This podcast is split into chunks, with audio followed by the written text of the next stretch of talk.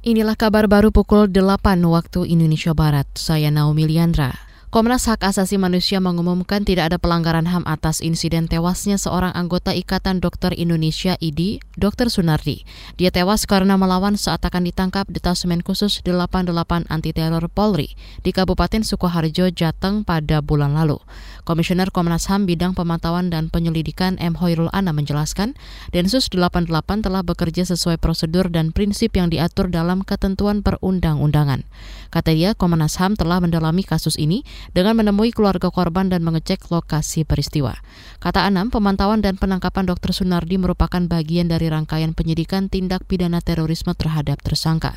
Kepolisian telah mendalami kasus selama tiga tahun sebelum mengawasi dan menetapkan Dr. Sunardi sebagai tersangka tindak pidana terorisme.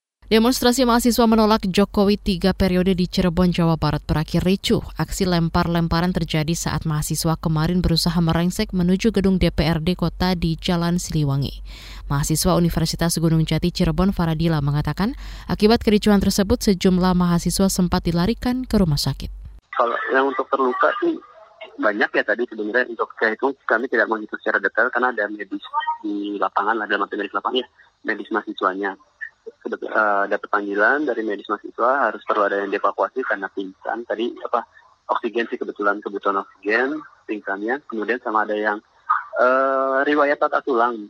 Jadi itu riwayat patah tulang kena juga. Jadi kita mengevakuasi itu satu ambulan tadi kurang lebih ada empat. Mahasiswa Universitas Gunung Jati Cirebon Faradila menyatakan dari enam orang yang terluka, empat orang dipastikan mahasiswa karena memakai jaket alma mater. Sedangkan dua orang lainnya tidak diketahui karena hanya memakai kaos dengan penutup kepala atau hoodie saja. Kemarin aksi dari mahasiswa berlangsung di berbagai daerah. Aksi serentak dilakukan untuk menolak penundaan pemilu, perpanjangan masa jabatan, dan presiden tiga periode.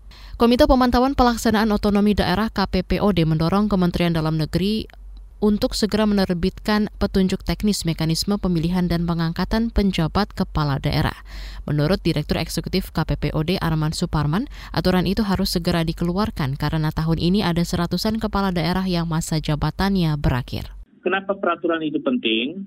Karena nanti dalam peraturan itu itu akan diatur atau berisi ketentuan-ketentuan terkait dengan mekanisme pemilihan yang transparan. Tentu yang kita dorong sebenarnya adalah uh, mekanisme pemilihan yang yang yang melibatkan publik atau stakeholders gitu ya dalam arti meskipun itu diangkat untuk penjabat gubernur itu diangkat oleh pemerintah pusat, tetapi mekanisme proses pemilihannya itu perlu memenuhi unsur partisipatif. Direktur Eksekutif KPPOD Arman Suparman mengatakan petunjuk teknis pemilihan seharusnya sudah dikeluarkan di bulan April ini, sehingga publik yakin proses pemilihan berlangsung transparan.